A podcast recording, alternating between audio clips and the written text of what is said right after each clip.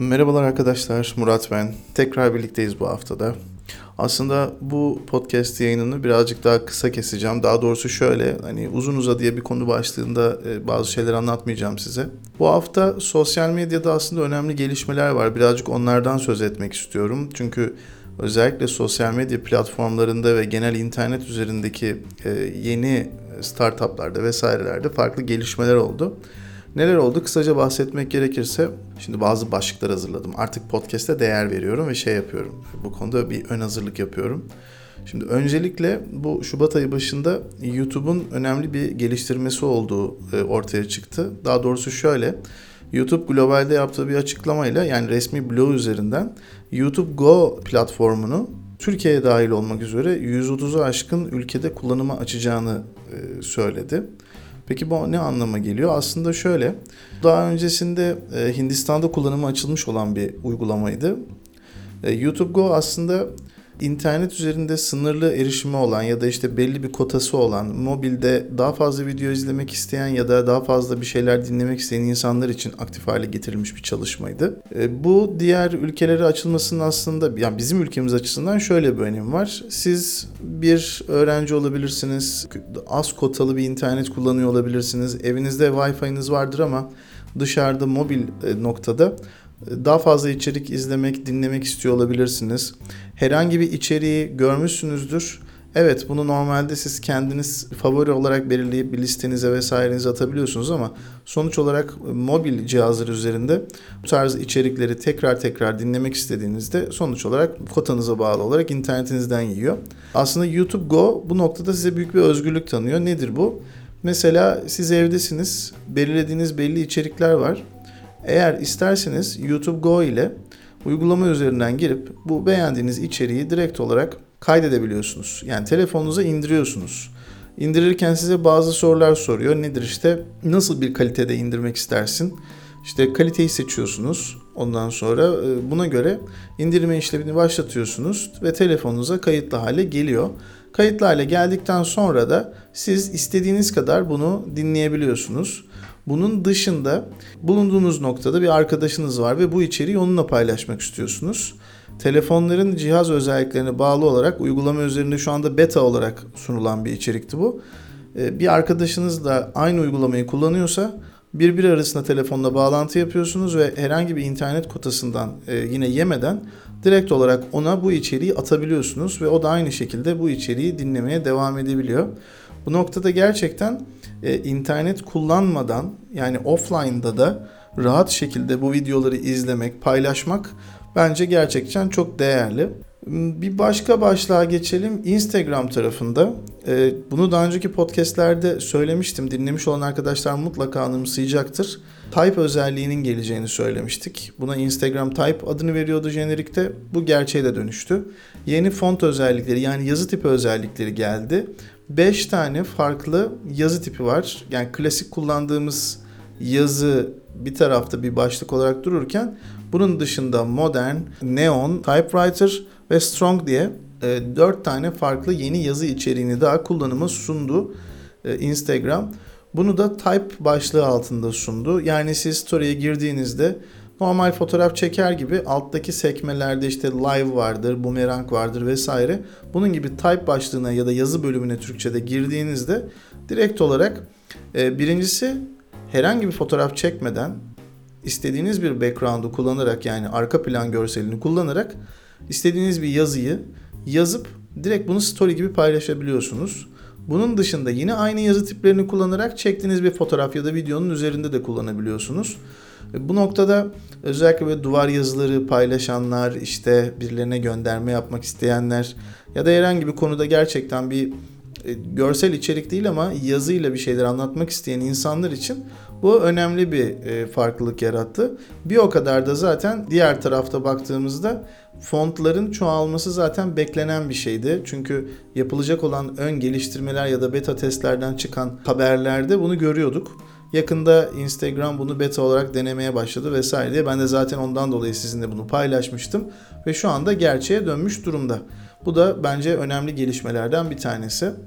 Instagram'ın marka iletişimi tarafıyla ilgili önemli bir gelişmesi var bu. E, aslında yine bizim marka iletişimde çok beklediğimiz şeylerden biriydi. Çünkü bu bir sıkıntı şu. Instagram'ın normalde story'de siz tabi bir e, organik olarak siz kendi e, içeriklerinizi story'de paylaşırken istediğiniz kadar story'i arka arkaya paylaşabiliyordunuz. Ancak herhangi bir şekilde bir marka içeriğini reklamlamak istediğinde ya da bir e, işletme profiline sahip herhangi bir kişi reklamlamak istediğinde story'i yalnızca tek karelik bir story kullanımına izin veriyordu Instagram ve bunu reklamlayabilirsin diyordu. Birden fazla kareyi arka arkaya koyup bunu reklamlamanıza izin vermiyordu.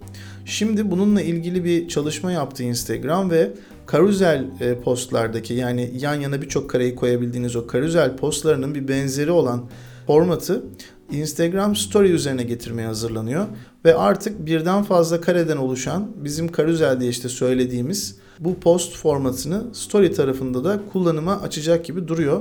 Bununla ilgili yaptıkları çalışmalara dair bazı haberler gördük. Hatta bazı büyük markalarda da şu anda kullanılmaya başlamış. İşte Coca-Cola'da, e, Renault'da, Gap'te, e, Paramount Pictures gibi e, bir sinema şirketinde bazı markalarda bunun ön denemeleri şu anda kullanıma sunulmuş durumda. Sanırım yakın bir zaman içerisinde de reklam platformunda da herkese açacaklar gibi duruyor ki bence bu markaların kendini anlatması noktasında büyük bir özgürlük sunacak ve çok yaratıcı çalışmalar çıkacağını da düşünüyorum. Bir yeni gelişme bizim ülkemizden biliyorsunuz. Biz WhatsApp'la böyle yok Telegram'la vesaireyle uğraşırken bizim ülkemizde durur mu? Yapıştırmış yine e, iletişim platformunu bir PTT Messenger dalgası sürüyor şu anda. İnternette orada burada herkes bunun üzerine konuşuyor. İşte milli messenger'ımız, işte her şeyi buradan yapabiliriz. Türkiye'de yapabildiğimiz, milli olarak yapabildiğimiz her şeyi artık dışarıdan almayalım. E, kendi elimizdeki kaynakları kullanırım vesaire gibi açıklamalar yapılıyor. Hatta bununla ilgili ilk tanıtımı da Başbakan Binali Yıldırım yapmıştı Bakanlar Kurulu toplantısı sırasında. Oradan PTT Messenger'la Hatay'daki harekat merkezine bağlanıp bilgi aldı. İsteyen kişiler şu anda Android uygulaması olarak indirebiliyor ama çevreden gördüğüm kadarıyla arkadaşlarımdan birçok kişi indirememiş. Sanırım altyapı ile ilgili bir problem olabilir ya da kullanma ilgili bir e, altyapı e, zafiyeti olabilir. Herhalde kısa süre içerisinde giderilir diye düşünüyorum. Ben şu anda kullandığım uygulamaları e, kullanmaya devam edeceğim ama e, ileriye dönük olarak belki denemek ya da böyle bir görmek için uygulama yükleyip inceleyebilirim diye düşünüyorum. Bunun dışında Yandex ile ilgili önemli bir gelişme var. Bu global bazlı bir gelişme değil aslında. Daha lokal bir şey. Biliyorsunuz Yandex Rusya merkezli bir e, arama motoru ve kendi içinde barındırdığı birçok uygulama da var. E, Türkiye piyasasına da geçtiğimiz yıllarda girdi. Başlangıçta yavaş bir giriş yaptı. Sonra uygulamalarını vesaireleri kullanıma sundu ve şu anda artık işte navigasyonda veya belli şeylerde gerçekten hayatımızın çok fazla içinde. Yandex Rusya'da yaptığı yeni bir e, güncelleme ile kendi browser'ına yani Rus kullanıcılar için bir reklam engelleme özelliği getirmiş. E, bu özellik aslında daha öncesinde başka browserlar üzerinde de yani tarayıcılarda kullanılan bir şeydi. Ancak bununla ilgili biliyorsunuz bayağı bir tartışmalar oldu. İşte Google tarafında vesairede reklam engellemeye karşı bazı markalar kendi taraflarında bu işi protesto ettiler vesaire ama e, bir sonuca çıkmadı. Şu anda Rusya'da dediğim gibi kullanıcılara sunulmuş bir özellik ama eğer Yandex browser kullanıyorsanız önümüzdeki dönemde sanırım bu özellik Türk kullanıcılarına da gelir. Çünkü Yandex'in Rusya'dan sonraki ilk pazarı e, Türkiye olmuştu. Türkiye'de önemli bir lansman gerçekleştirip önemli çalışmaları da imza atıyorlar hala. E, bir diğer tarafta yine global haberlerden bir tanesi. Bu da hayatımıza aslında çok fazla girmeye başladı. Uber.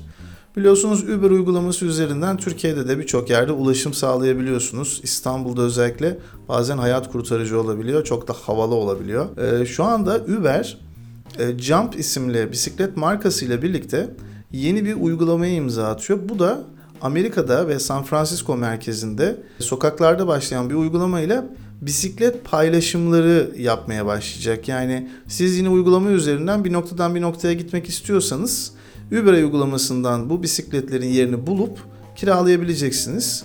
Ve ondan sonra da gidip o lokasyondan bisiklet teslim alıp gün içerisinde kullanıp daha sonrasında da ödemesini yine uygulama üzerinden yapabileceksiniz. Yani Türkiye'deki altyapı itibariyle yani İstanbul merkezinde konuşuyorum. Ne kadar bu gerçekleşir, ne olur ne biter bilemiyorum ama E, ileriye dönük olarak keşke bizim ülkemizde de tabii ki bu kişisel ulaşım araçları, bu bisiklet olur ya da diğer e, ulaşım araçları olabilir, elektrikli araçlar olabilir. Keşke daha fazla yaygınlaşsa ve biz Uber olmasa da normalde de bisikletlerimizle yollarda gidebilsek. Bu da birazcık sitemdir. Çünkü gerçekten bisiklete bayılan, e, aşık olan bir adam olarak maalesef ülkemizin altyapısı, şehirlerimizin, yollarımızın durumu zaten malumunuz. Bunun dışında yine hayatımıza giren ama aslında yarım yamalak girmiş olan bir özellik daha var. Yine Instagram tarafında böyle parça parça anlatıyorum. Kusura bakmayın çünkü kafayı toparlayıp böyle bir taraftan da elimdeki notlara bakıyorum. Instagram tarafında yine önemli bir özellik var ama bu şu anda sadece işletmelere ve Instagram partnerlerini kullanan kişiler için geçerli. Genellikle sosyal medya yöneticilerin ya da sosyal medya ajanslarının en büyük dertlerinden bir tanesi e, sizin de tahmin edeceğiniz üzere bu postların yani gireceğimiz içeriklerin planlaması üzerine. Instagram dediğim gibi bu konuda yaptığı bir açıklamayla kendi blogunda e, kendi API'si üzerinden yani uygulama erişim noktası üzerinden işletme hesaplarının bu konuda post planlamasına imkan verdiğini açıkladı. Yani bu ne anlama geliyor? Üçüncü parti uygulamaları burada işte Buffer var, HotSuite var, Spread Social var, Social Flow var. Bunun gibi bir sürü aslında başlıkta şirket var. Bunlar partner şirketleri Instagram'ın ve e, bunlar da aslında sosyal medya iletişiminde size yardımcı olabilecek tool'lar sunuyorlar. E, bunların birçoğunu zaten bizim piyasamızda olan insanların birçoğu zaten biliyor. Bu uygulamalardan birini kullanıyorsanız artık dedi ki Instagram bu uygulamaları kullanan kişilere ya da benim işletme partnerim olarak çalışan kişilere ben gönderi planlama özelliğini kullanıma sunuyorum dedi. Mesela bu konuda enteresan bir açıklama oldu. HotSuite tabii çok kullanılan uygulamalardan bir tanesi bu konuda. Sosyal medyada hem birçok platformu ekleyip buradan yönetmeniz, post planlamanız, insight'lar almanız mümkün. E, Hootsuite'in CEO'su Ryan Holmes bir açıklamasında şöyle bir şey söylemiş. Demiş ki Instagram içeriklerini planlamak 16 milyon kullanıcının bir numaralı isteğiydi. Ve artık bunu yapabiliyoruz ve Instagram'la bu noktada ortaklık yapmış olmaktan da mutluluk duyuyoruz diyorlar. Tabii şöyle bir durum var. E, sosyal medyanın çok içinde veya bu sektörde çalışan insanlar zaten biliyordur. E, Facebook'ta post planlayabilirsiniz. Yani içeriklerinizi ileri bir tarihe planlayabilirsiniz. İstediğiniz gün istediğiniz saatte yayına girer. Bunun gibi birkaç platformda yine bu özellik var. Instagram'ın dışında mesela Twitter'ın kendi sunduğu TweetDeck uygulaması üzerinde de mesela Twitter'da planlanmış gönderiler yapmanız mümkün. Ama Instagram e, bu işin başından beri maalesef post planlamaya e, izin vermedi. Bununla ilgili bir sürü alt tool'lar çıktı. Bunu yapabiliyoruz dediler ama bunların hepsi genelde yine kullanıcı tetiklemeli. Yani siz yine postu kuruyorsunuz. Telefon uygulamanızdan size bir uyarı geliyor o gün o saat geldiğinde ve siz girip Instagram'da yine o planlanmış olan postu otomatikman uygulamaya aktarıp paylaşım yapabiliyordunuz ama bu da bir zaman kaybı ve atlama imkanı olan, hata yapma imkanı olan şeylerden bir tanesi. Bu noktada Instagram e, gerçekten insanları zora sokuyordu. Özellikle bu sektörde çalışanları. Ben de bundan çok muzdaribim mesela. Ama bu yeni özellikle eğer bu uygulamalardan birini kullanıyorsanız şu anlık hayatınızı kurtardı diyebiliriz. E, ileriye dönük olarak büyük ihtimalle bu özelliği normalde de kullanıma sunacağını ben bekliyorum. E, ama işletme dışındaki profillerle ilgili Instagram bu desteği 2019 yılının ilk çeyreğinde paylaşı başlayabileceğini ifade etmiş. E, bunu bekleyip göreceğiz. Bu noktada eğer birazcık daha developer kafasındaysanız yani yazılım üzerine çalışıyorsanız bir başka açıklaması daha var Instagram'ın. API'inde yani API'sinde yeni bir revizyona gidileceğini duyurdular. Bu yenileme süreci Temmuz ayının sonunda başlayacak olarak görünüyor ve 2 yıl boyunca bu revizeler devam edecek. Tabi bu süreçte Instagram'ın o eski API'si Graph API ile yer değiştirecek. E bunun uygulamalar bazında ya da yeni çalışmalar bazında da mutlaka etkilerini göreceğiz. Tabii ki şu anda elimizdeki verilerle belli konularda Instagram'daki istatistikleri vesaireleri analiz edebiliyoruz. Ama bu yeni çalışmalarla mutlaka bunun daha üstüne çıkacaklardır diye düşünüyorum. Bunun dışında sosyal medya tarafında gördüğüm uygulamalar ya da sosyal medya platformları üzerinde gördüğüm e, yeni bir gelişme yok. Bana söylemek istediğiniz bir şeyler olursa bir yorum, bir şey ya bir ses edin. 3 bölüm oldu. Hiç kimseden bir yorum gelmedi. Çok yalnızım. Belki bir yorum yaparsınız. Belki bir isteğinizi söylersiniz.